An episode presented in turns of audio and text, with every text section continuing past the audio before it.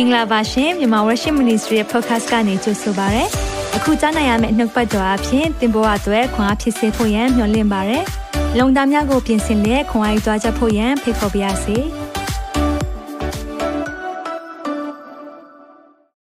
ရှေးရရမိသားစုများအားလုံးရှလုံးအားလုံးကိုကြိုဆိုပါရစေဒီနေ့ကျေးဇူးတော်ချီးမွမ်းတဲ့ဒီကနေ့မှာမိသားစုများအားလုံးကိုအသက်ရှင်တဲ့ဖခင်နှုတ်ပတ်တော်နဲ့ခွန်အားပေးခွင့်ပေးတဲ့ကြီးမြတ်တဲ့ဖခင်နာမကိုရှေးဆိုချီးမွမ်းလို့ပဲ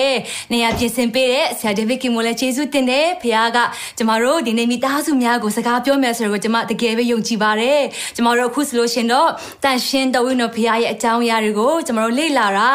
episode 8အပိုင်း၈ကိုရောက်လာပြီးမိသားစုများခွန်အားရရှိမယ်လို့ယုံကြည်ပါတယ်။ကျမတို့တော့တကယ်ကိုတန်ဖိုးဖြစ်လို့မရဖျိုင်နှုတ်ပတ်တော်များဖြစ်ပါတယ်။တန်ရှင်တော်ဝိနော်ဖျားနဲ့ဘလို့အသက်ရှင်ရမလဲ။သူကဘသူလဲ။သူကဘာတွေကြိုက်တယ်လဲ။သူကဘာတွေကိုမကြိုက်ဘူးလဲ။သူရဲ့ဖြစ်ချင်းကဘာလဲ။သူနဲ့သူရှောက်လဲတဲ့အခါမှာဘလို့အသက်တာမှာအသက်ရှင်ခွင့်ရမလဲ။ဘလို့ကောင်းချီးတွေခံစားရမလဲဆိုတဲ့အရာတွေကိုကျမတို့တွေအပတ်တိုင်းအပတ်တိုင်းလေ့လာတာဒီနေ့နဲ့ဆိုတော့ episode 8ကိုရောက်လာပြီ။ ကျမတို့လစ်သွားတဲ့အရာများရှိတယ်ဆိုလို့ရှင်လေကျမတို့ပြန်လေးမှာခတ်ချက်လုပ်လို့ရပါတယ်ဒီနေ့မှာတော့မိသားစုများအလုံးကိုခွန်အားပေးခြင်းနဲ့နှုတ်ပတ်တော်ကတော့အတီးတီးချင်း bearing fruit အတီးတီးချင်းဆိုတဲ့နှုတ်ပတ်တော်ဖြစ်တယ်ဒါကြောင့်မလို့ကျမတို့မှတ်စုတွေထဲမှာလည်းမှတ်ကြရအောင်အတီးတီးချင်းဒီနေ့ဖခင်ခင်ကကျမတို့ကိုအတီးတီးဖို့ရန်အတွက်အလိုတော်ရှိတာဖြစ်တယ်ဒါကြောင့်အရင်ဆုံးဖခင်လွတ်တော်ထဲမှာကျမတို့ရဲ့အသက်တာတွေကိုစက္ကအနံကြရအောင်အသက်ရှင်နေမှုတော့ဖာကိုရောကိုယေရှုတင်နေကိုရောပြင်ဆင်ပေးနေရနဲ့တူတကွာဒီနေ့ချီရိုင်မိသားစုများလိုင်းပေါ်မှာဆုံတွေ့ခွင့်ပေးလို့ကိုရောကိုယေရှုတင်တယ်ဆုံတွေ့ုံတမကားပဲနဲ့ကိုရဲနှုတ်ပတ်တော့ကိုရဲကောင်းမြတ်ခြင်းကြောင့်ရများကိုတူတကွာ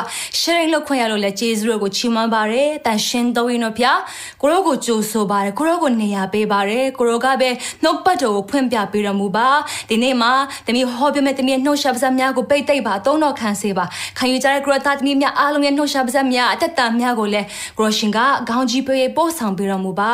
ချိန်နိုင်တဲ့တာအားလုံးကိုဆက်ကပ်တဲ့အခါမှာသခင်ယေရှုဖခင်နာမကိုမြှုပ်ပြ၍ဆုတောင်းကြပါ၏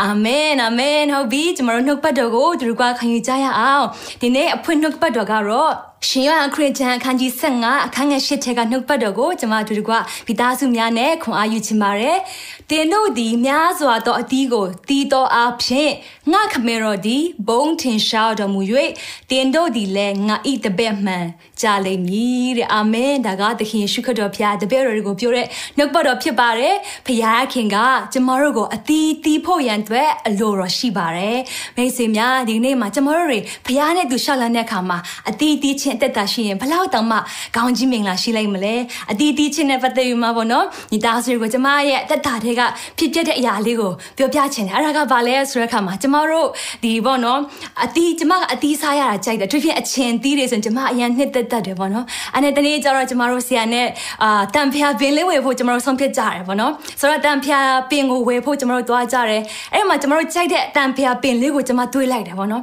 သူကအတီး၃လေးလုံးလောက်စပြီးမှတီးနေပြီအဲ့တန်ဖျားပင်လေးကအော်အနက်လည်းအရန်မွေးတယ်အရန်လက်ချက်ဖို့ကောင်းတဲ့ခါမှာကျမတို့ဆရာနဲ့ဝယ်လိုက်တယ်ဆိုတော့ဒီမှာတက်ပုံလေးလည်းပြချင်တယ်ဆိုတော့ဒီအပင်လေးပေါ့နော်ကျမတို့ဝယ်လိုက်တယ်အတီးကလေးလုံးငါးလုံးလောက်ရှိနေပြီပေါ့နော်အဲ့ဒါနဲ့အဲ့ဒီတီးလေးကအာမဲ့လာတဲ့ခါမှာအဝါအဝါရောင်လေးတန်းလာတယ်အဲ့ချိန်မှာကျမကလည်းအဲ့တီးလေးကိုစားတဲ့ခါမှာ तू ကတခြားတံပြာတီးလို့မဟုတ်ဘဲနဲ့နည်းနည်းလေးအချင်တက်ကနဲတယ်အရေးအရန်ရွှန်းတယ်ပြီးသူအရွက်ကလည်းအရန်စိမ့်ပြီးတော့မှအရန်ကိုလှတာပေါ့နော်အဲ့ဒါကျမလည်းအဲ့ဒါလေးစားပြီးမှအရန်ပျော်တာပေါ့အဲ့ဒီခါမှာကျမတို့ကဒီဟာအတင်လေးကိုအိုးလေးထဲမှာကျမတို့တင်ထားတာပေါ့နော် စိုက်ထားတယ်အဲ့ဒါနဲ့ကျမတို့ Melbourne ကနေပြီးတော့မှကျမတို့ Queensland ကိုလာဖို့ဖြစ်လာတဲ့ခါမှာပဲဒီပင်လေးတစ်ပင်ပဲကျမတို့မှတခြားပင်လေးရှိပေမဲ့အဲ့ဒီပင်လေးပဲကျမတို့ Queensland ကိုတည်သွားတယ်အဲ့ဒါနဲ့တည်သွားတဲ့ခါမှာ Queensland ရောက်တဲ့ခါကျတော့ကျမတို့ကအော်ဒီအိုးကသေးတယ်ပေါ့နော်အတီးအများကြီးတီးအောင်စမှာကျမတို့အိုးကြီးကြီးလေးထဲမှာကျမတို့ထပ်ထည့်လိုက်တယ် ဒါပေမဲ့ကျမတို့ကဒီမှာရောက်လာတဲ့ခါမှာဘီစီးတာနဲ့ကျမလည်းအပင်တပင်လေးရှိတဲ့ခါမှာအာအိမ်ကလည်းနည်းသေးတဲ့ခါမှာအပင်လေးကိုရေလောင်းဖို့ခဏခဏမေ့သွားတယ်အဲ့ဒါတတိယအချိန်မှာရေလောင်းဖို့ချီတဲ့ခါမှာအပင်လေးကနည်းနည်းအရွက်လေးကအဝါရောင်တန်းလာတာပေါ့နော်အဲ့ဒါနဲ့တဖြည်းဖြည်းနဲ့ကြီးနေအရွက်တွေကလိတ်လာပြီးတော့မှတစ်ခါကျရင်ပိုးကောင်လေးတွေ့တယ်ဟာနဟာမဟုတ်သေးဘူးပေါ့နော်ဒီပင်လေးတော့အာတေချာကြီးမဆိုင်ရင်တော့အပင်တော့တေတော့မှာပဲဆိုမှကျမတို့အရန်ဆိုရင်သွားတယ်အဲ့မှာကျမတို့တီးတဲ့အန်ကယ်ကိုမေအန်ကယ်ဒီပင်ကိုဘယ်လိုမျိုးပြုစုရင်ကောင်းမလဲလို့ပြောတဲ့ခါမှာအန်ကယ်အပင်ကိုကြည့်ပြီးတော့မှဒါအပင်ကပိုးကျနေတာတဲ့ပိုးသက်စီဖြန့်ပေးရမယ်တဲ့ဟုတ်ပြီအန်ကယ်ကျေးဇူးတင်တယ်ဆိုမှကျမတို့လည်းဆရာနဲ့ဆိုင်မှာသွားပြီးတော့မှအာအပင်နဲ့ပတ်သက်တဲ့အကြောင်းအရာတွေကိုပေါ့နော်ကျမတို့အပိုးသက်ဆေးဝယ်ဖို့သွားတယ်အဲ့ဒီမှာကျမတို့အာအပင်နဲ့ပတ်သက်တဲ့အရာပေါ့နော်တံဖြာပင်နဲ့ပတ်သက်တဲ့အရာမှာကျွမ်းကျင်တဲ့အာဒီ staff တွေကကျမတို့ကိုပြောတယ်ပိုးသက်ဖို့ပဲမဟုတ်ဘဲနဲ့အဲ့ဒီအပင်ကမြေဩဇာပါလို့တဲ့ သူလိုတဲ့မြေဩဇာကရိုးရိုးမြေဩဇာမဟုတ်ဘူးတဲ့နာမည်က blood and bone ဆိုပြီးမှကျမတို့ကိုပြောတယ် blood and bone fertilizer လိုအပ်တယ်အဲ့ဒါပြီးတဲ့အခါမှာပိုးသက်ဆေးဖြန့်ဖို့လိုတယ်လို့ကျမတို့ကိုပြောတဲ့အခါမှာဟုတ်ပြီကျမတို့လည်းပစ္စည်းဝယ်ပြီးတော့မှအာကျမတို့အပင်လေးကိုပြုစုဖို့ကျမတို့ပြန်ပြီးမှဆုံးဖြတ်ချက်ချတာပေါ့နော်ထားခဲ့တာနည်းနည်းကြာသွားပြီပေါ့နော်အဲ့မဲ့ဒီချိန်မှာတော့အပင်လေးရောအတီးတီးဖို့အရန်မျောလင့်နေပါဒီပင်လေးကိုပြုစုမယ်ပြုစုပြီးတော့အတီးတွေတီးလာအောင်မယ်ဆိုမှကျမတို့အရန်မျောလင့်နေဒါပေမဲ့ကျမတို့နည်းနည်းလေးပြစ်ထားကြတဲ့အခါမှာအပင်ကချက်ချင်းမရှင်ထန်လာဘူးပေါ့နော်ကျမတို့မြေဩဇာထည့်ရတယ်ပြီးတဲ့အခါမှာဆေးဖြန်းတယ်အဲ့လိုမျိုးနဲ့ကျမတို့လုပ်တယ်ပြီးတဲ့အခါမှာတည်တဲ့အကိုင်းလေးတွေကျမတို့ဖြတ်ပေးတယ်ပြန်ခ ्यू ဆိုင်ပေးတာပေါ့နော်အဲ့ဒါနဲ့2020 2021ထိတော့အာ ဘယ်လိုခေါ်မလဲအတီးကိုမတီးနိုင်ဘူးပေါ့နော်အဲ့ဒါနဲ့အရွက်ကတော့တဖြည်းဖြည်းတော့စိမ့်လာတယ်ဒါလေးပေါ့နော်ဒုတိယဒါပေမဲ့သူ့အရွက်လေးကနည်းနည်းတော့စိမ့်လာမဲ့အဝါရောင်တေချာကြည့်ရင်တော့အဝါရောင်နည်းနည်းတန်းသေးတယ်တိတ်မကြမ်းပါသေးဘူးပေါ့နော်အဲ့နဲ့ကျမတို့လည်း okay ဘာဆက်လို့ရင်ကောင်းမလဲဆိုမှဒီတိုင်းပဲကျမတို့တက်တဲ့အရာလေးနဲ့ပဲတေချာလေးပြန်ပြူစုတာပေါ့နော်တော်တော်လေးကြာတယ်အဲ့နဲ့ကျမတို့လည်းအိမ်ပြောင်းတဲ့ခါမှာပေါ့နော်အိမ်မှာတော့မြေကြီးရှိရဆိုတော့ဟုတ်ပြီဒီတစ်ခါတော့ဒီတံပြပင်လေးကိုကျမတို့မြေကြီးထဲမှာတော့စိုက်မှဖြစ်မယ်မြေကြီးထဲစိုက်တော့ထူးတော့ထူးချလိုက်မယ်ဆိုကျမတို့အနေနဲ့စဉ်းစားပြီးတော့မှဒီဒီအိုးတဲ့ကနေပြီးတော့မှမြေကြီးထဲကိုစိုက်လိုက်တယ်ပေါ့နော်အဲ့ဒီအချိန်မှာကျမတို့လည်းမြေဩဇာထည့်ပေးသေးတယ်အဆင်မပြေသေးဘူးသူကအဲ့နဲ့ကျမတို့လည်းတော်တော်လေးစိတ်ရှည်ရပါတော့ဒါပေမဲ့အဲ့ဒါလေးကိုပြုစုရင်ပြုစုရင်နဲ့မှဒီနှစ်မှာမှအသီးတွေအများကြီးသီးလာတာသူကအရွက်အဖူးတွေပွန့်လာပေါ့နော်အဖူးဖူးကအရန်များတဲ့ခါမှာအရန်အနံ့မွေးတာအဲ့ဒီအချိန်မှာ ဘယ်လိုခေါမလဲပြားပတုံးလေးတွေကစပါတော့အဲ့ရဲ့အတီးလေးကိုပေါ့နော်အဲ့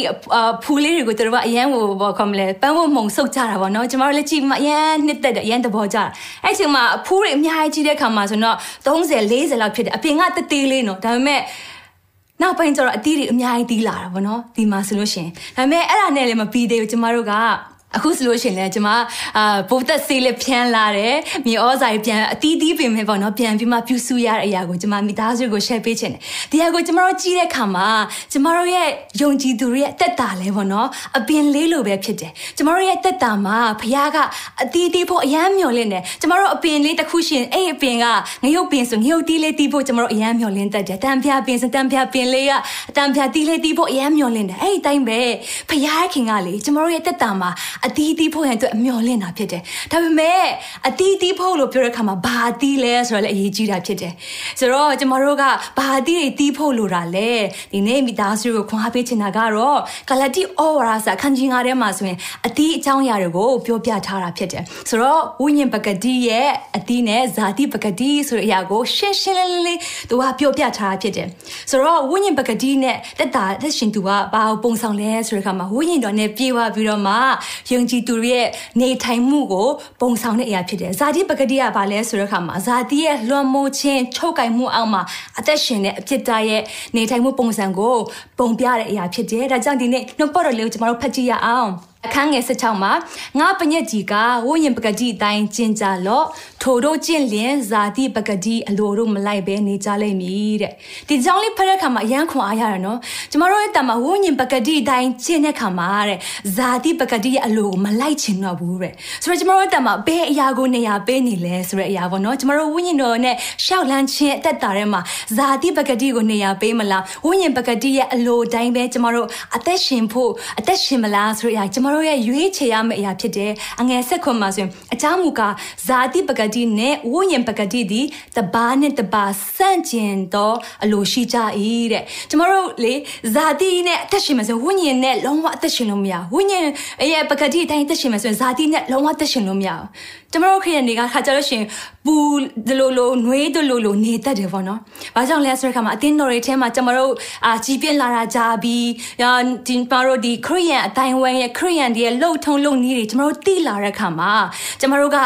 ဒီအတက်ကရဲ့အတွင်းထက်ကနေပြောင်းလဲခြင်းမဟုတ်ဘဲနဲ့အပြင်ပန်းကနေကျမတို့ရဲ့အနေထိုင်ပုံဘလို့နေထိုင်ရမယ်ဘလို့စကားပြောရမယ်ဘလို့မျိုးအတင်းတော်ထဲမှာနင်ဘလို့စကားပြောမလဲစသဖြင့်ကျမတို့ကဒါကိုအရန်လေးတိတာတိပိတာဖြစ်တဲ့အခါမှာပေါ့နော်တကယ်တကယ်ပြောင်းလဲတဲ့တက်တာပေါ့နော်ဝိညာဉ်တော်ဖရားရဲ့အုပ်ဆိုးခြင်းနဲ့ဝိညာဉ်တော်ရဲ့ပကတိတိုင်းဝိညာဉ်ရဲ့ပကတိတိုင်းအသက်ရှင်ဖို့ရန်အတွက်ကျွန်တော်တို့တာမှာဒါကို ဝေခွဲမရဖြစ်တတ်တဲ့အချိန်မြောက်များစွာရှိတတ်တာဖြစ်တယ်။ဒါကြောင့်မလို့ဒီကနေ့မှာ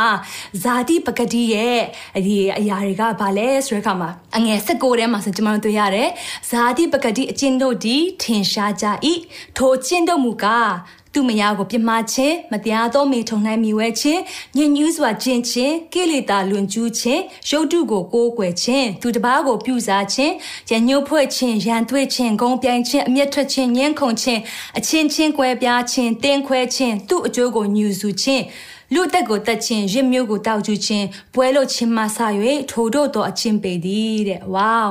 ဒီနေ့ကျမတို့ဇာတိပကတိနဲ့အကျင့်နဲ့တက်ရှင်တဲ့သူတွေတာမှာဒီဟာလေးတွေကျမတို့တွေ့ရမှာဖြစ်တယ် ကျမတို့အသီးလို့ပြောလိုက်တဲ့ခါမှာလေအသီးကဘာလို့အမြဲပုံဆောင်လေးရှိတဲ့ခါမှာရှိတယ်လဲဆိုလို့ရှိရင်ကျမတို့ရဲ့အထဲမှာဖြစ်ပြီးသားအရာပေါ့နော်အထဲရဲ့ပြုပြင်နေရအထဲလူအတွင်းလူရဲ့ပြုပြင်နေရအတွင်းစိတ်ရဲ့ဖြစ်ပျက်တဲ့အရာအလုံးကို तू ကအပြင်မှာထုတ်ဖော်ပြတဲ့အရာဖြစ်တယ် action အပြင်ထုတ်ဖော်ပြလေးရှိတယ်ဆိုတော့ဇာတိပကတိနဲ့ချင်းတဲ့သူရဲ့အသက်တာကမြင်လိုက်တာနဲ့ကိုပင်လင်ပေါ့နော်ဒီရဲ့အရာလေးတွေကိုကျမတို့တွေ့မြင်ရတတ်တာဖြစ်တယ်ဒါဆိုလို့ရှိရင်ဝိညာဉ်ပကတိနဲ့အသက်ရှင်ဖို့ရဘလို့လဲဘလို့တီးတီးရမလဲဆိုလို့ရှိရင်အငယ်22မှာ23မှာဆိုရင်တော့ဝိညာဉ်ပကတိအကျုံးမူက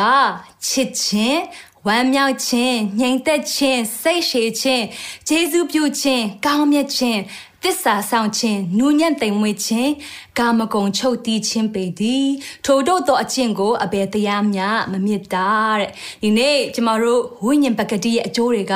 ၉မျိုးရှိတာဖြစ်တယ်ဆိုတော့ချစ်ချင်းလို့ပြောတဲ့အခါမှာကျမတို့ကပါဇက်နဲ့ပဲချစ်ချင်းမဟုတ်ဘဲနဲ့ကျမတို့ကလက်သွေးလှုပ်ဆောင်ခြင်းကိုဆိုလိုခြင်းဖြစ်တယ်ဝမ်းမြောက်ခြင်းဝမ်းမြောက်ခြင်းကဘာလဲဝမ်းမြောက်ခြင်းဆိုရတာကကျမတို့အပြင်မှာရှိတဲ့အရာနဲ့မသက်ဆိုင်ဘဲနဲ့ကျမတို့ရဲ့အထဲကနေထွက်ပေါ်လာတဲ့အရာဖះကိုတည်ကျွမ်းခြင်းအပြင်ထွက်ပေါ်လာဝမ်းမြောက်ခြင်းဖြစ်တယ်ခါကြလို့ရှင်ကျမတို့ကဝမ်းမြောက်ခြင်းကကျမတို့ပတ်စံရှိမယ်ဆိုလို့ရှိရင်ဝမ်းမြောက်မယ်လို့ထင်တတ်တယ်မဟုတ်ဘူးနော်ကျမတို့အရင်တစ်ခါဆိုလို့ရှိရင်ဆရာနဲ့ခက်ခဲခြင်းကာလထဲကိုကြော်ဖြတ်တဲ့အခါမှာကျမတို့အဲ့ချိန်မှာထိုင်ကုန်ကောင်းကောင်းလေးဝယ်ထားတဲ့ချိန်ပေါ့နော်ဆိုဖာလှလှလေးကောင်းကောင်းလေးအသက်စစ်စစ်လေးပဲ ကျမတို့ဝေရတယ်ဒါပေမဲ့အဲ့ချိန်မှာကျမတို့ခက်ခဲချင်းကြုံတွေ့တဲ့ခါမှာအိုးလုံးဝကိုငြိမ်သက်ခြင်းမရှိဘူးတကယ်ဝမ်းမြောက်ခြင်းတွေပျောက်တဲ့ခါမှာအဲ့ဒီဆိုဖာပေါ်မှာထိုင်လာတော့အရသာမရှိတော့ဘူးနော်ဆိုတဲ့ခါမှာကျမတို့ရဲ့ဝမ်းမြောက်ခြင်းကလေခါကြလို့ရှိရင်အပြင်အရာကကျမတို့ကိုမပေးနိုင်ပဲနဲ့ဖရားရဲ့အထဲကနေရှိခြင်းကကျမတို့ကိုဝမ်းမြောက်ခြင်းပေးနိုင်တာဖြစ်တယ်နောက်တစ်ခုကငြိမ်သက်ခြင်းငြိမ်သက်ခြင်းနဲ့ထုံနေတကောင်ပဲ တချို့ကဘာပြောတတ်လဲဆိုတဲ့ခါမှာဟာပတ်စံရှိရင်အာနာမည်ကြော်ကြားတယ်ဆိုလို့ရှိရင်ဩဇာအာဏာရှိတယ်ဆိုလို့ရှိရင်ငြိမ်သက်ခြင်းရှိမယ်လို့ထင်တတ်ကြတယ်။ဒါပေမဲ့တကယ်တကယ်ကျတော့လေ peace is not the absence of problem တဲ့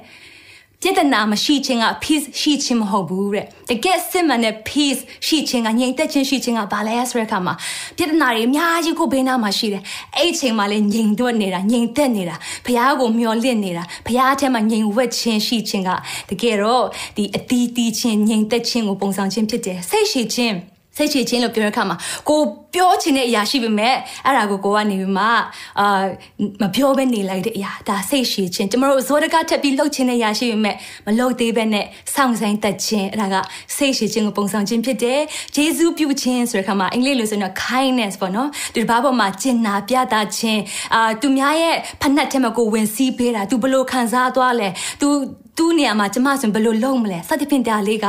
ဝိညာဉ်အသည်ဂျေဇုပြုခြင်းကိုပုံဆောင်ခြင်းဖြစ်တဲ့ကောင်းမြတ်ခြင်းလို့ပြောတဲ့အခါမှာဆိုလို့ရှိရင်တမာတရားထဲမှာမွေးလော်ပြီးမှဘုရားရဲ့နှစ်သက်တဲ့အရာပေါ်မှာကျမတို့အနေနဲ့လှုပ်ဆောင်တတ်ခြင်းကကောင်းမြတ်ခြင်းဖြစ်တယ်လို့ကျမတို့ယုံကြည်တယ်တစ္ဆာဆောင်ခြင်းလို့ပြောတဲ့အခါမှာလဲကိုယ့်ပေါ်မှာဂတိထားတဲ့အရာပေါ့နော်ကိုယ့်တို့များဂတိပေးခိုင်းတဲ့အရာကိုကဂတိတည်ပေးတဲ့အရာကိုယ့်ပေါ်မှာတာဝန်ပေးတဲ့အရာကိုကတာဝန်ချေပွန်အောင်လို့လှုပ်ဆောင်ပေးရတစ္ဆာဆောင်ခြင်းကိုကျမတို့အနေနဲ့ခံယူလို့ရတယ်နူးညံ့သိမ်မွေ့ခြင်းလို့ပြောတဲ့အခါမှာကျမတို့အရင်တစ်ခါက တပြည့်ထချူပေါ့နော်ကျမတို့ဒီတောင်ပေါ်ဒေနာထဲမှာဆိုလို့ရှိရင်လည်းဒီအကြောင်းအရာကိုကျမတို့ပြောခဲ့တယ်နူးညံ့သိမ်မွေ့ခြင်းကအားနည်းခြင်းမဟုတ်ဘူးတော်တော်များက meekness နဲ့ weakness နဲ့ကိုမကွဲမပြားပဲနဲ့တို့တွေကနားလည်မှုလွယ်တတ်တယ်ဒါပေမဲ့ weak ဒီနူးညံ့သိမ်မွေ့ခြင်းကတကယ်တော့ခွန်အားရှိတော့အရှိဆုံးတော့သူဖြစ်တယ်ဘာကြောင့်လဲဆိုတဲ့အခါမှာသူအနေနဲ့လော့ပိုင်ခွင့်ရှိရတဲ့နဲ့မလော့ပဲနဲ့ဖခင်ရဲ့အချိန်ကိုစောင့်ဆိုင်တတ်တဲ့အရာဖြစ်တယ်လို့နောက်ကာမဂုဏ်ချုပ်တီးခြင်းကပါလေကာမဂုဏ်ချုပ်တီးခြင်းကကိုယ့်ရဲ့ဇာတိနဲ့ကိုယ့်ရဲ့ဒီ physical ပေါ့နော် desire ရှိပေမဲ့ဒီဟာပေါ်မှာမလှုပ်တဲ့အရာဥပမာဆိုရင်အစားအသောက်ပေါ့ကျမတို့ buffet ဆိုင်မှာအစားအသောက်တွေအများကြီးပြထားရထားလိုက်တော့အဲ့အချိန်မှာဆိုလို့ရှိရင်ကိုကကိုနဲ့မတည့်တဲ့အစားအစာကိုတွေးလိုက်တယ်ဟောနော်အဲ့အချိန်မှာကိုကအရန်စားချင်ပေမဲ့ဒါကိုကိုကထိန်းချုပ်လိုက်တဲ့အရာပေါ့နော်ကျမရဲ့တာမှာဆိုလို့ရှိရင်ကျမအာလူကြော်ရရန်ချိတ်တတ်တယ်အဲ့အဲ့ဒါဆိုလို့ရှိရင်အဲ့ shopping center သွားပြီဆိုလို့ရှိရင်အဲ့အာလူကြော်တွေရောင်းတဲ့ဆိုင်အဲ့အတန်းကိုမသွားဘူးပေါ့နော်ဇာခါနာကျမပြောလိုက်တယ်အာဗာလေ temptation ကိုရှောင်ပါတော့ဗောနော်စားတော့ဆိုင်ဒီဒီ shopping center တွားတဲ့ချိန်မှာဆိုလို့ရှိရင်ဒီအာလူကြော်စင်ကျမအရန်ကြိုက်တဲ့ခါမှာအဲ့လိုမျိုးဗောနော် self control ဗောဒါဥပမာအနေနဲ့ပြောတာဖြစ်တယ်လို့ဒါကြောင့်ကိုယ့်ရဲ့ဒီအာလှုပ်ချင်တဲ့အရာဗောနော်ကိုယ့်ရဲ့စိတ်လက်မှန်ပါလှုပ်ချင်မှုပဲနဲ့ထိန်ချုပ်လိုက်တဲ့အရာဝိညာဉ်တော်ကိုမဆာဖို့ကုညီတောင်းလိုက်တဲ့အရာဖြစ်တယ်လို့ဒီဟာကဘုရားအလိုတော်ရှိတဲ့အသီးတီးဖို့ရန်အတွက်ဘုရားအလိုတော်ရှိတဲ့အရာများဖြစ်တယ်ဒါကြောင့်ကျွန်တော်တို့တွေတိုင်ရှင်တော်ဝိနော်ဘုရားနဲ့သူရှောက်လန်းတဲ့ခါမှာဘုရားခင်ကကျွန်တော်တို့ကိုအဲ့ဒီအသီးတွေကိုတီးဖို့ရန်အတွက်ကုညီမဆန်ပေးမှာဖြစ်ပါတယ်ဒါဆိုလို့ရှိရင်အဲ့ဒီအသီးတွေကိုကိုယ့်ရဲ့တက်တာထဲမှာတီးနိုင်အောင်လို့ဘယ်လိုလုပ်ရမလဲကျမဒီနေ့အချက်သုံးချက်နဲ့ခွန်အားပေးခြင်းနဲ့အိတ်သုံးလုံးနဲ့ဒီမိသားစုတွေကိုခွန်အားပေးခြင်းနဲ့ပထမတစ်ခုကတော့ accept him သူ့ကိုလက်ခံပါကျမတို့ရဲ့တာမှာအတီးတီးနိုင်ဖို့ရန်အတွက် ကျမတို့ရဲ့တက်တာထဲမှာသခင်ယေရှုခရစ်တော်ဖခင်ကိုမိမိရဲ့ကယ်တင်ပန်းရှင်နဲ့အရှင်သခင်ဖြစ်ကျမတို့လက်ခံဖို့ရန်အတွက်အရန်ကိုအရေးကြီးပါတယ်ဒီအဆင့်ကိုတော့လုံးဝကြော်လို့မရဘူးကျမတို့ကအဲဒီဖခင်ရဲ့ကယ်တင်ခြင်းကိုအုံနောက်နဲ့တော့အရန်တည်တတ်တယ်နားနဲ့အများကြီးကြားဘူးပြီကျမတို့ခရိယန်တိုင်ဝမ်မှာလည်းကြီးလာပြီးပြီကိုယ့်ရဲ့မိဘတွေကလည်းယုံကြည်သူဖြစ်တယ်ကိုဘိုးဘွားတွေကစာယုံကြည်သူဖြစ်တဲ့ခါမှာဒီကယ်တင်ခြင်းနဲ့ပတ်သက်တဲ့အရာကကျမတို့ရဲ့အရန်အလွတ်တောင်ရနေပြီပေါ့နော်ဒါပေမဲ့ဒီအရာချက်ကျမတို့နှလုံးသားထဲမှာကိုပါဒီဖရားရဲ့ကယ်တင်ခြင်းဖရားရဲ့လွတ်မြောက်ခြင်းကိုတကယ်ပဲခံစားရရှိပြီးတော့မှအသက်တာသက်ရှင်ခြင်းကအရန်ကိုရည်ကြီးတာဖြစ်တယ်အဲ့ချိန်မှသာလင်ဖရားရဲ့ဝိညာဉ်တော်ရဲ့မာစာခြင်းနဲ့အတီးတီးနိုင်ခြင်းခွင့်ဖရားပေးမှဖြစ်တယ် နှုတ်ကပတ်တော်နဲ့ခွန်အားပေးချင်တာကယောမအောရာစာခန်းကြီးရှေ့အခန်းငယ်30နဲ့7ဖြစ်တဲ့ခရစ်တော်သည်တင်တို့အထက်၌ရှိတော်မူလေကိုကာယသည်အပြစ်ကြောင့်အသေးဖြစ်တော်လဲဝိညာဉ်မူကားဖြောင့်မတ်ခြင်းကြောင့်အသက်ရှင်လက်ရှိ၏ထိုမြတ်မကယေရှုကိုတေခြင်းမှထားမြောက်စေတော်မူသောဖခင်၏ဝိညာဉ်တော်သည်တင်တို့အထက်၌ကျင့်ဝတ်တော်မူလေ မိမိဝိညာဉ်အားဖြင့်တည်သက်သောတင်တို့ဤကိုကိုကာယကိုပင်ရှင်စေတော်မူမည်တဲ့အာမင်ဒီကနေ့ကျွန်တော်တို့တက်တာထဲမှာသခင်ခရစ်တော်ကိုခေတင်ပိုင်ရှင်နဲ့အရှင်တခင်ဖြစ်ယုံကြည်လက်ခံပြီးပြီဆိုလို့ရှိရင်ဘုရားရဲ့ဝိညာဉ်တော်ကအแทမှာကျင့်ဝတ်တာဖြစ်တယ်ဘုရားရဲ့ဝိညာဉ်တော်ဒီနေ့ခရစ်တော်ကိုတည်ခြင်းကနေရှင်ပြန်ထားမြောက်စေတကိုးတော်ဘုရားရဲ့ဝိညာဉ်တော်ကတင်းတဲ့ကျွန်တော်အแทမှာကျင့်ဝတ်ပြီဆိုလို့ရှိရင်ကျွန်တော်တို့တာမှာမကြော်လွှမ်းနိုင်တဲ့အရာတွေမဖြတ်နိုင်တဲ့အရာတွေမလွတ်မြောက်နိုင်တဲ့အရာအားလုံးကို ထိုဝိညာဉ်တော်ကမာစာပေးမှာဖြစ်တယ်အာမင်ထိုဝိညာဉ်တော်မာစာပေးပြီဆိုလို့ရှင်တော့ကျွန်တော်တို့တာမှာသူရဲ့တစ်သက်တဲ့အရာတွေအသီးတွေကိုတီးဖို့ရန်အတွက်ကုညီမာစာပေးမှာဖြစ်တယ်ဒါကြောင့်တင်ဒီနေ့သခင်ခရစ်တော်ကို မိမိရဲ့ကယ်တင်ပိုင်ရှင်တခင်ဖြစ်ယုံကြည်လက်ခံပြီးပြီလားအုံနှောင်းနဲ့ပဲတည်တာမဟုတ်ဘူးနားနဲ့ကြားဘူးလို့ပဲဒါကကိုယ်အတွက်ရိုးသွားတဲ့အရာမဟုတ်ဘူးဒီနေ့နှလုံးသားထဲမှာကိုကအသက်တာပြောင်းလဲခြင်း transformation ဖြစ်ခြင်းအသက်တာရှိဖို့ရန်အတွက်အရန်ရည်ကြီးတဲ့ဖြစ်တယ်အဲ့ဒါပြီးမှတာလဲဝိညာဉ်တော်ဖခင်ရဲ့အလုံးလုံးခြင်းကိုအသက်တာထဲမှာခံစားရရှိမှဖြစ်တယ် အာမင်ကျမတို့2022ခုနှစ်မှာကျမတို့ဆောင်ဖို့ရှိတယ်အဲ့ဒါကတော့ a year of all things new တက်တာပြောင်းလဲခြင်းအရာခတ်သိမ်းပြောင်းလဲခြင်းကသခင်ခရစ်တော်ထဲမှာပဲကျမတို့ရရှိနိုင်တာဖြစ်တယ်ဒါကြောင့်မလို့တင်းတက်တာထဲမှာဝိညာဉ်အသီးတွေမတည်သေးဘူးဆိုလို့ရှင်တင်းတက်တာမှာတကယ်ရောခရစ်တော်ကိုမိမိရဲ့ကေတင်ပိုင်ရှင်နဲ့အရှင်ခင်ဖြစ်လက်ခံပြီလားလို့မိသားစုကိုမေးချင်ပါတယ်နံပါတ်2ချက်က abide in him အာမင်သူ၌တည်နေပါတဲ့ကျမတို့ရဲ့တာမှာတည်နေဖို့ရည်ကြီးတယ်ဆိုတော့နှုတ်ပတ်တော်ကရှင်ယောဟန်ခရစ်ကျမ်းအခန်းကြီး15အခန်းငယ်9ငါသည်စပြည့်နွေပင်ဖြစ်၏တင်တို့သည်အခက်များဖြစ်ကြ၏အချင်းသူသည်ငါ၌တည်၍ငါသည်လည်းသူ၌တည်၏ထိုသူသည်များစွာသောအသီးကိုတည်တတ်၏ငါနှင့်ကွာလင်တင်တို့သည်အဘယ်အမှုကိုမျှမတတ်နိုင်ကြအာမင်ဒီနေ့ကျမရဲ့ဒီတံပြာပင်လေးကိုကျမတို့ပြန်ကြည့်မယ်ဆိုလို့ရှိရင်လည်းသူဒီဟာလေးကိုရှင်ထန်နိုင်ဖို့ရန်အတွက်ကျမတို့အမျိုးမျိုးစ조사ရတယ်ကျမတို့ဖခင်ကဥယျာဉ်ဆောင်ဖြစ်တယ်နော်ကျမတို့ရဲ့ကိုယ်ခန္ဓာကိုသူ့အနေနဲ့အတီးတီးဖို့ရန်အတွက်အမြဲတမ်းကူညီမဆပေးခြင်းနဲ့ဖခင်ဖြစ်တယ်ကျမရဲ့တာမှာဆိုလို့ရှင်ဒီတံပြပင်လေးရှင်တန်ဖို့အတီးတီးလာဖို့ရန်အတွက်ကျမဖြည့်ရတဲ့အချိန်ရှိတယ်အာပြီးတဲ့အခါမှာကျမအနေနဲ့အာရေလောင်းပေးရတဲ့အချိန်ရှိတယ်အာမျိုးစာထိုက်ပေးရတဲ့အချိန်ဖြစ်တယ်ဒါပေမဲ့တကယ်ကဲသူဒီမြေကြီးထဲမှာစိုက်လိုက်တဲ့အခါမှာကြီးထွားလာတာဖြစ်တယ်ကျမတို့ရဲ့ပင်စီပေါ့နော်သခင်ခရစ်တော်ဖြစ်နေကြလားဒါမှမဟုတ်လို့ရှင်လောကအရာဖြစ်နေကြလားကျမတို့ရဲ့ ဆက်သွယ်ထားတဲ့ပင်စီကလောကရာဖြစ်နေမယ်ဆိုရင်တော့ဘယ်တော့မှအတီးတီးနိုင်မှာမဟုတ်ဘူးတီးလို့ရှင်လဲဇာတိဒီပဲတီးနိုင်မှာဖြစ်တယ်ဒါပေမဲ့တင်းရဲ့ပင်စီကိုကျွန်တော်တို့ပြန်ဆက်စေးရအောင်ကျွန်မရဲ့ပင်စီကဘာဖြစ်နေတယ်လဲကျွန်တော်တို့ရဲ့တော်ချင်းတတ်ချင်းလားကျွန်တော်တို့လှုပ်ဆောင်နိုင်ခြင်းလားကျွန်တော်တို့ရဲ့ပညာတတ်ခြင်းလားကျွန်တော်တို့ရဲ့ငွေကြေးရှိခြင်းလားကျွန်တော်တို့ရဲ့ social media မှာလူကြည့်များခြင်းလားကျွန်တော်တို့ရဲ့ပင်စီကဘာဖြစ်နေတယ်လဲအာမင်ကျွန်တော်တို့ရဲ့ပင်စီမားနေမယ်ဆိုရင်တော့ကျွန်တော်တို့ဆက်သွယ်ထားတဲ့အရာမားနေမယ်ဆိုရင်တော့ကျွန်တော်တို့ရဲ့အတီးတွေလည်းမားနေမှာဖြစ်တယ်ဒီနေ့မှာကျွန်တော်တို့ရဲ့ပင်စီကသခင်ခရစ်တော်တည်ဟူသောပင်စီဖြစ်နေမယ်ဆိုရင်တော့အသီးတွေအများကြီးတည်နိုင်မှာဖြစ်တယ်ဒီအသီးအပြင်ကျွန်တော်တို့ပထမအာဒီ slide မှာကျွန်တော်တို့ဖတ်တဲ့အတိုင်းပဲဒီအသီးသီးချင်းကဖခင်ရဲ့ဘုန်းတော်ထင်ရှားဖို့အကြောင်းဖြစ်တယ်ကျွန်တော်တို့တက်တာကိုကြည့်ချင်ရတဲ့လူတွေကအိုးသူကခရစ်တော်ရဲ့တပည့်တော်ပဲခရစ်တော်ရဲ့တပည့်တော်ကဒီလိုအသက်ရှင်ပါလားဆိုတဲ့အရာပေါ့နော်လူတွေရဲ့တက်တာမှာလောကသားရဲ့တက်တာမှာမြင်တွေ့ဖို့အကြောင်းဖြစ်တယ်ဒါကြောင့်မလို့ကိုယ့်ရဲ့ပင်စီကိုပြန်လဲဆက်ဆေးကြရအောင်ကျွန်တော်တို့ဘလောက်ပဲဒီမျိုးဩဇာကျွေးကျွေးဘလောက်ပဲကျမတို့အနေနဲ့အော်ရှင်တောင်လို့ပါစေဒီပင်စီကမခိုင်ပါဘူးဆိုလို့ရှင်ဒီပင်စီကသူဒီမကြမ်းပါဘူးဆိုလို့ရှင်အကိုင်းတွေရောမကြမ်းပါတော့ဘူးအရွက်လည်းမကြမ်းပါတော့ဘူးအသီးလည်းတီးနိုင်မှာမဟုတ်ဘူးဒါကြောင့်တင်းရဲ့ပင်စီကသခင်နဲ့အမြဲတမ်းပဲဆက်နေပါသခင်တီးတော့ပင်စီနဲ့တင်းရဲ့အကိုင်းကိုအမြဲဆက်နေပါလို့ဒီနေ့မိသားစုကိုခွန်အားပေးခြင်းနဲ့ဟုတ်ပြီကျမတို့အနေနဲ့ နောက်နံပါတ်3ကတော့ allow him သူ့ကိုခွင့်ပြုပါသူ့ကိုခွင့်ပြုကြရအောင်သူကကျမတို့ကိုပြုပင်ပေးခြင်းနဲ့ဖခင်ဖြစ်ပါတယ်ကျမတို့တက်တာဒီပုံစံတိုင်းပဲ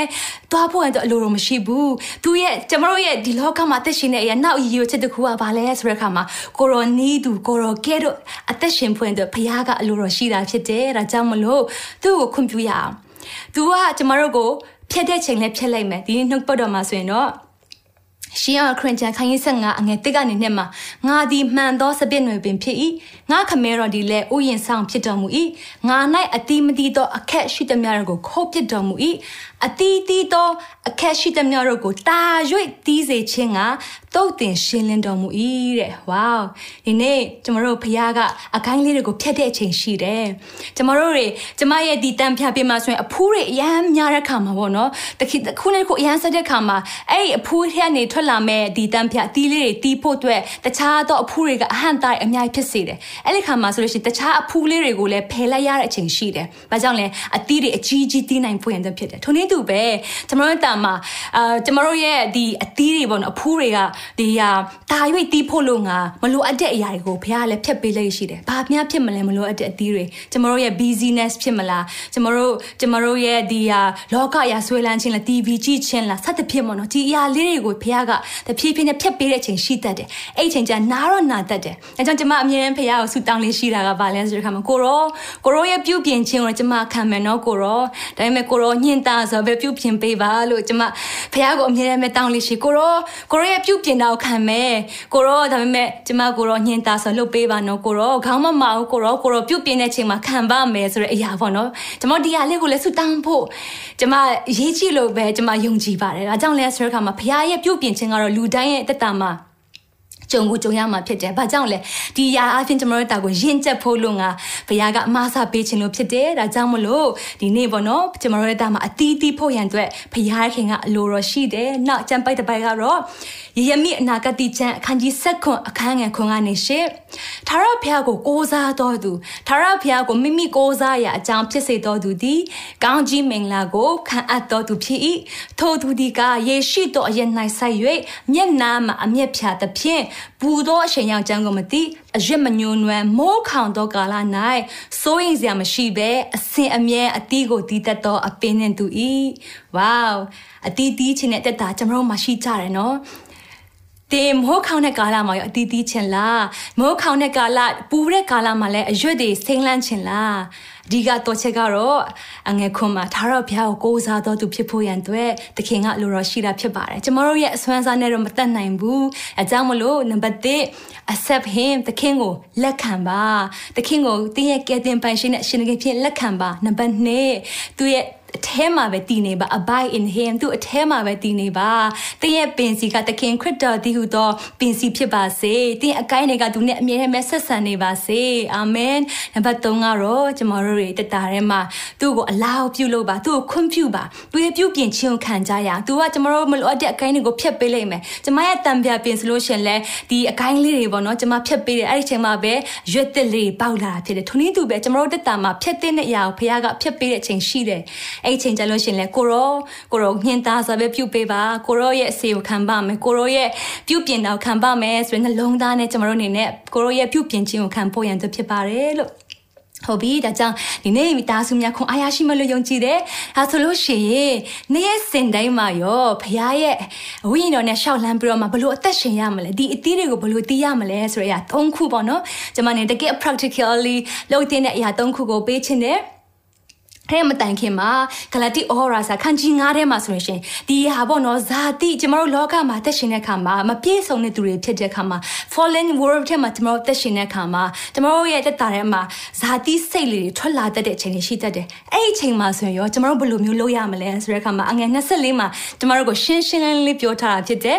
ခရစ်တော်နဲ့ဆက်ဆိုင်တော့သူတို့ဒီဇာတိပဂတိကို၎င်းဇာတိပဂတိစိတ်များနဲ့အလိုဆန္ဒများကို၎င်းလက်ဝါးကတိုင်မှာရိုက်ထားကြပြီတဲ့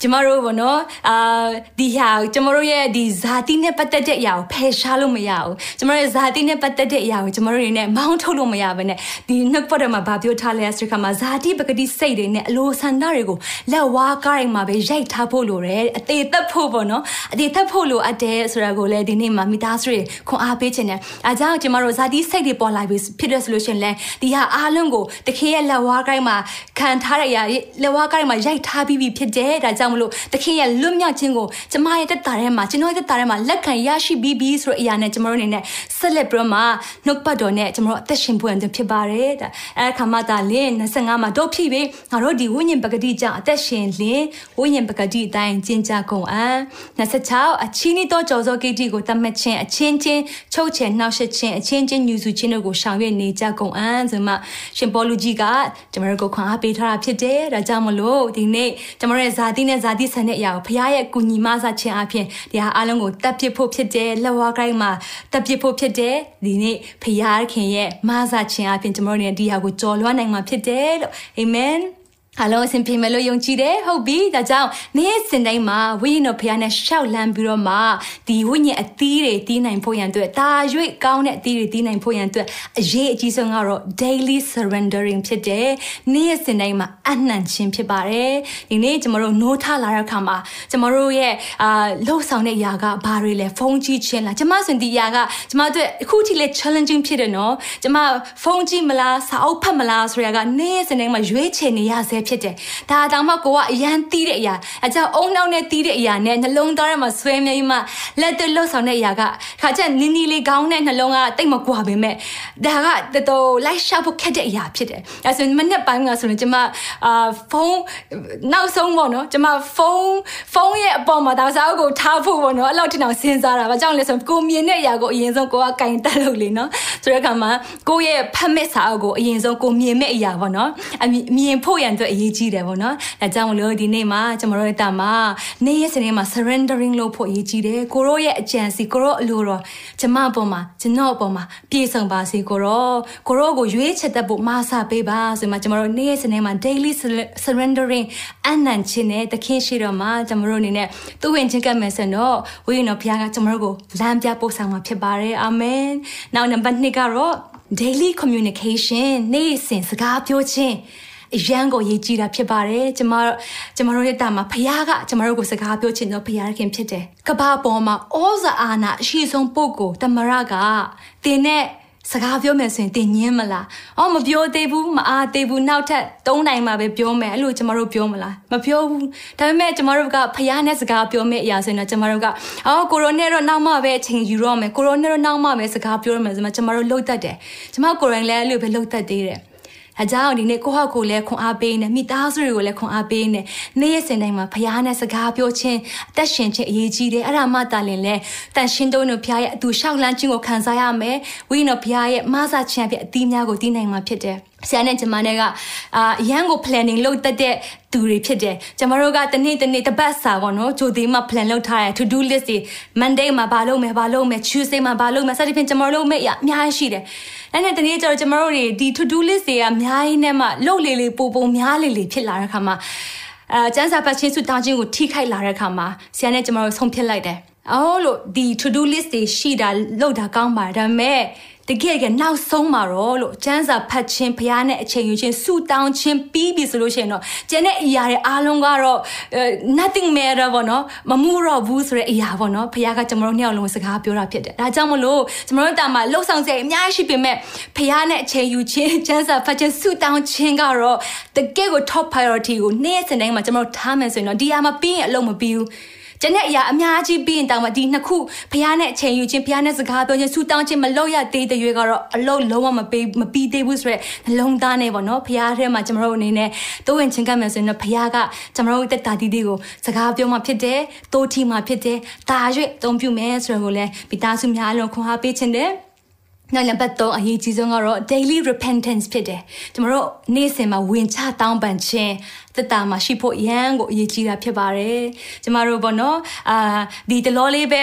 ဂျုံတွေ့ရတဲ့အရာပေါ့နော်ဆရာနဲ့ကျမ tennis ဆော့တတ်တယ်ဆိုတော့တနေ့ကျကျမတို့က free court ပေါ့နော် free tennis queen free အလကားရတဲ့နေရာမှာကျမတို့တွားဆော့တယ်ပေါ့သူက queen နှစ် queen ရှိတယ်ဆိုတော့အာလူတွေမရှိရင်တော့ချိန်တလောက်ဆော့လို့ရတယ်ဒါပေမဲ့ ကိုနောက်မှာဆော့ချင်တဲ့သူရှိတယ်ဆိုရင်တော့နိုင်ဝက်ပဲဆော့လို့ရတဲ့အရာပေါ့နော်ဆိုတော့ကျမတို့အဲ့နေ့ကရောက်သွားတဲ့ခါမှာဘယ်သူမှမရှိဘူးအဲ့ကွင်းမှာ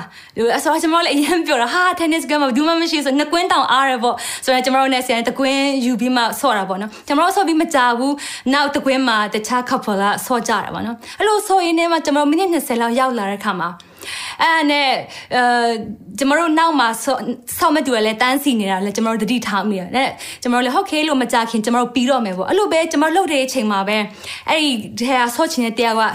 ကျမတို့ကိုမေးလိုက်တာ။ကျမတို့ဆော့နေစရာပဲဖြေလိုက်တာပေါ့နော်။ဘတော့ပြီးမှလဲဘာလဲအဲ့လိုမျိုးသူဇောတကတက်ပြီးမေးတဲ့ခါမှာကျမစိတ်ထဲမှာသူ့နည်းနည်းလေးဟိုခုသွားတာပေါ့နော်။စိတ်ထဲမှာပေါ့ဘာလို့လို့မေးရတာလဲ။ဆိုတော့ဟိုဘက်မှာလဲဆော့လူရှိရဘာလို့သူတို့ကမမေးပဲကိုကိုမေးရလဲ။ဘာလဲငါတို့အာရှမလို့ခွဲချက်ခွဲချက်ဆက်ဆံတာလား။ဆက်တဖြင့်ပေါ့နော်မဟုတ်တာကြီးကောင်းကပြောက်လာတာပေါ့ အဲ့ဒါနဲ့ပဲကျမလည်းဆော့ပြီးတဲ့ခါမှာသူတို့ကိုကျမလုံးဝမကြည့်ရှင်တော့ဘူးပေါ့နော်အဲ့နဲ့ဆော့ရဲဆော့ရဲပြီးတဲ့ခါမှာကျမတို့လည်း10မိနစ်တွင်းမှာအကုန်ပြီးသွားတဲ့ခါမှာဆရာတော့သူတို့ကိုနှုတ်ဆက်စကားပြောမှသွားတော့မဲပေါ့သူတို့အချက်ပြတာပေါ့နော်သူတို့လည်းရောက်လာကျမတို့သူတို့ဖက်ကိုလုံးဝလက်မကြည့်တော့ဘူးကိုဟာကိုပဲသွားပြီးမှပေါ့နော်နေလိုက်တယ်ပြီးတော့ကားထဲတော့ဆရာကိုကျမပြောလိုက်တယ်ဟောလို့သူတို့တွေရောမကြိုက်ဘူးလို့အဲ့လိုလုပ်တာပေါ့မလုပ်သင့်ဘူးပေါ့အဲဆရာအဲ့လိုမပြောရဘူးသူတို့မှလည်းမေးပိုင်ခွင့်ရှိရလေလို့ဘယ်ဘယ်ဘယ်ချိန်မှာပြီးမလဲသူတို့လည်းသိချင်တာပေါ့ပေါ့အဲ့နဲ့ကျမလည်းလို့နေနေမှာဖယားဝင်းတော့ကျမအထဲမှာနှိုးဆော်လာတာပေါ့နော်။အိုးဒီဟာပြောတဲ့အရာလေးပေါ့နော်။ဖယားဝင်းတော့စိတ်ထဲမှာစိတ်မချမ်းသာဖြစ်သွားတဲ့အရာလေးကိုကျမစိတ်ထဲမှာထက်ကနေခံစားသွားတယ်။အဲ့မှာဖယားကကျမပြန်တောင်းပန်လဲကိုရောကိုရောရဲ့စိတ်နေစိတ်တဘောထားမရှိမိလို့ကျမကိုခွန်းလို့ပေးပါကိုရောလို့စိတ်ထဲမှာပဲကိုရောကိုပြန်တောင်းပန်လိုက်တာဖြစ်တယ်။ဒါကြောင့်ကျမတို့တန်မှာပေါ့နော်။နေ့စဉ်တိုင်းမှာဖယားရဲ့ဝင်းရောနဲ့ရှောက်လန်းဖို့ရန်အတွက်ကကျမတို့တန်မှာတောင်းပန်တတ်တဲ့နှလုံးသားရှိဖို့သူ့ရဲ့အလိုနဲ့မကိုက်ညီတဲ့အရာတွေကိုကျမလုပ်မိတယ်ဆိုလို့ရှိရင်ချက်ချင်းပဲဖယားရှိမှတောင်းပန်တတ်တဲ့နှလုံးသားရှိဖို့ဘုရားကလိုတော်ရှိတာဖြစ်တယ် အဲ့လိုမျိုးမဟုတ်ဘဲနဲ့ဝိညာဉ်တော်ဘုရားကကိုယ့်ရဲ့အထဲမှာ no ဆိုတဲ့အရာကိုကိုကနေမှမလုပ်ဘူးဆိုလို့ရှိရင်အဲ့ဘုရားရဲ့ကိုယ့်အထဲမှာစကားပြောတဲ့အရာပေါ့နော်နားလည်နိုင်တဲ့အရာကတဖြည်းဖြည်းနဲ့မေးမိန်ပြီးပျောက်သွားတတ်တဲ့အချိန်ရှိတယ်အဲ့ချိန်ကျလို့ရှိရင်အမမှန်တွေကျမတို့မခွဲချက်တတ်တော့ဘဲနဲ့အဲ့မှာဇာတိနဲ့ဇာတိဆန်တဲ့အရာစာတန်တကားဖွင့်လို့ဖြစ်တဲ့အခါမှာဒီအရာဇာတိတွေကကိုယ့်ပို့ပြီးမှလွှမ်းမိုးဖို့အကြောင်းပဲဖြစ်လာတာမှဖြစ်တယ်ဒါကြောင့်မလို့နေ့ရက်စင်တိုင်းမှာကျမတို့ daily repentant တက်တာမှရေးကြည့်တာဖြစ်တယ်ကိုယ့်ရဲ့အသွေးနဲ့သူတစ်ပါးကိုပြမမိတဲ့အရာကစဝိညာဉ်တော်ဘုရားတည်တာဖြစ်တယ်ကျမတတ်မှာပြင်ဒီဟာကိုဒါတော့အာခုလက်တလောလေးခံစားရတဲ့အရာမလို့ကျမမမီလို့ပြောပြဖြစ်တယ်ဖြစ်ပြတဲ့အရာတွေလည်းကျမတတ်မှာအများကြီးရှိတယ်အချိန်မှလည်းဘုရားဝိညာဉ်တော်ကချက်ချင်းနဲ့နှိုးဆိုလိုက်တဲ့အခါမှာချက်ချင်းပဲလှုပ်လိုက်တဲ့အခါမှာ ကျမတို့ဘုရားရဲ့ဝိညာဉ်တော်ရဲ့တို့ထီရှင်တဲ့စကားပြောခြင်းကိုနေ့ရက်စတဲ့မှာပို့ပို့ပြီးမှနားလည်ပြီးမှသူနဲ့ရှောက်လန်းခြင်းအရာတာသူနဲ့ရှောက်လန်းခြင်းအပြင်ရှိတဲ့ the go authority ဘောနော်ဘုရားထဲမှာပေးတဲ့မျက်နှာသားကောင်းကြီးတွေက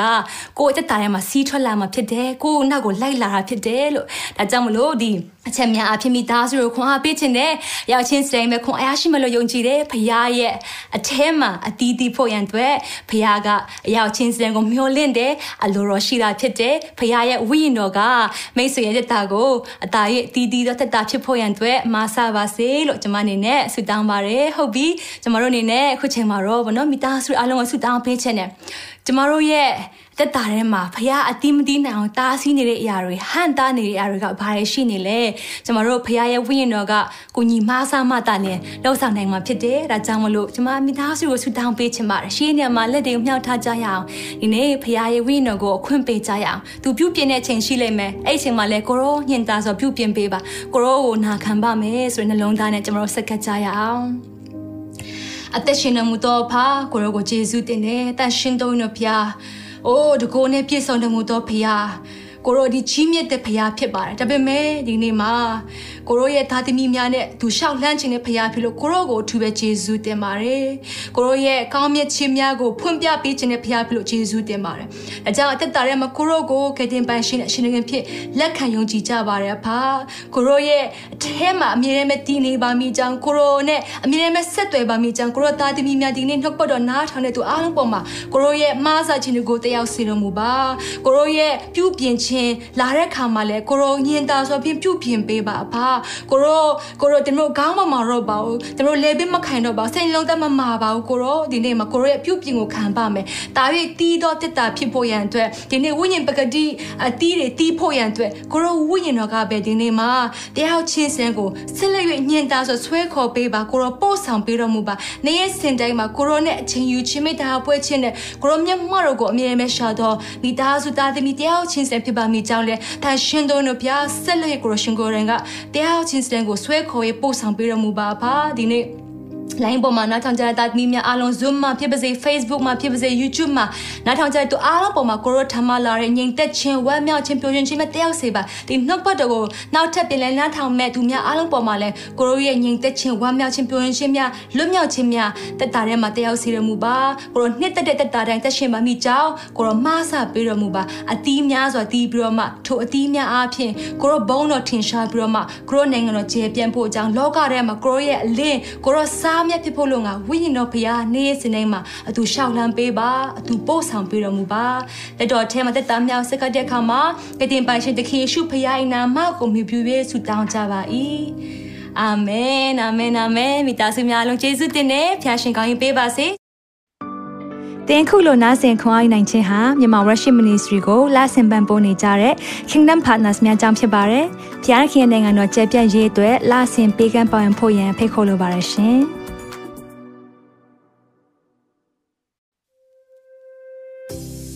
ခုကြားနာခဲ့ရတဲ့နှုတ်ပတ်တော်အဖြစ်ခွန်အားရရှိမယ်လို့ယုံကြည်မျှော်လင့်ပါတယ်။ခွန်အားရဆိုလို့ရှိရင်ဒီတစ်ပတ်နဲ့ပြန်လည်ဝင်မြပေးဖို့ရန်တောင်းဆိုပါရစေ။မြန်မာ Worship Ministry ရဲ့ website myanmarworship.com ကိုလည်းလာရောက်လေ့လာဖို့ရန်တက်ဖိတ်ခေါ်ချင်ပါတယ်။တချိန်ထဲမှာမြန်မာ Worship Ministry ရဲ့ social media platform များဖြစ်တဲ့မြန်မာ Worship YouTube Channel, မြန်မာ Worship Facebook Page နဲ့မြန်မာ Worship Instagram များကိုလည်းလာရောက်လေ့လာဖို့ရန်အတွက်ဖိတ်ခေါ်ချင်ပါတယ်။နောက်တစ်ချိန်မှာပြန်လည်ဆုံတွေ့ကြပါစို့။ဖျားရှင်ကောင်းကြီးပေးပါစေ။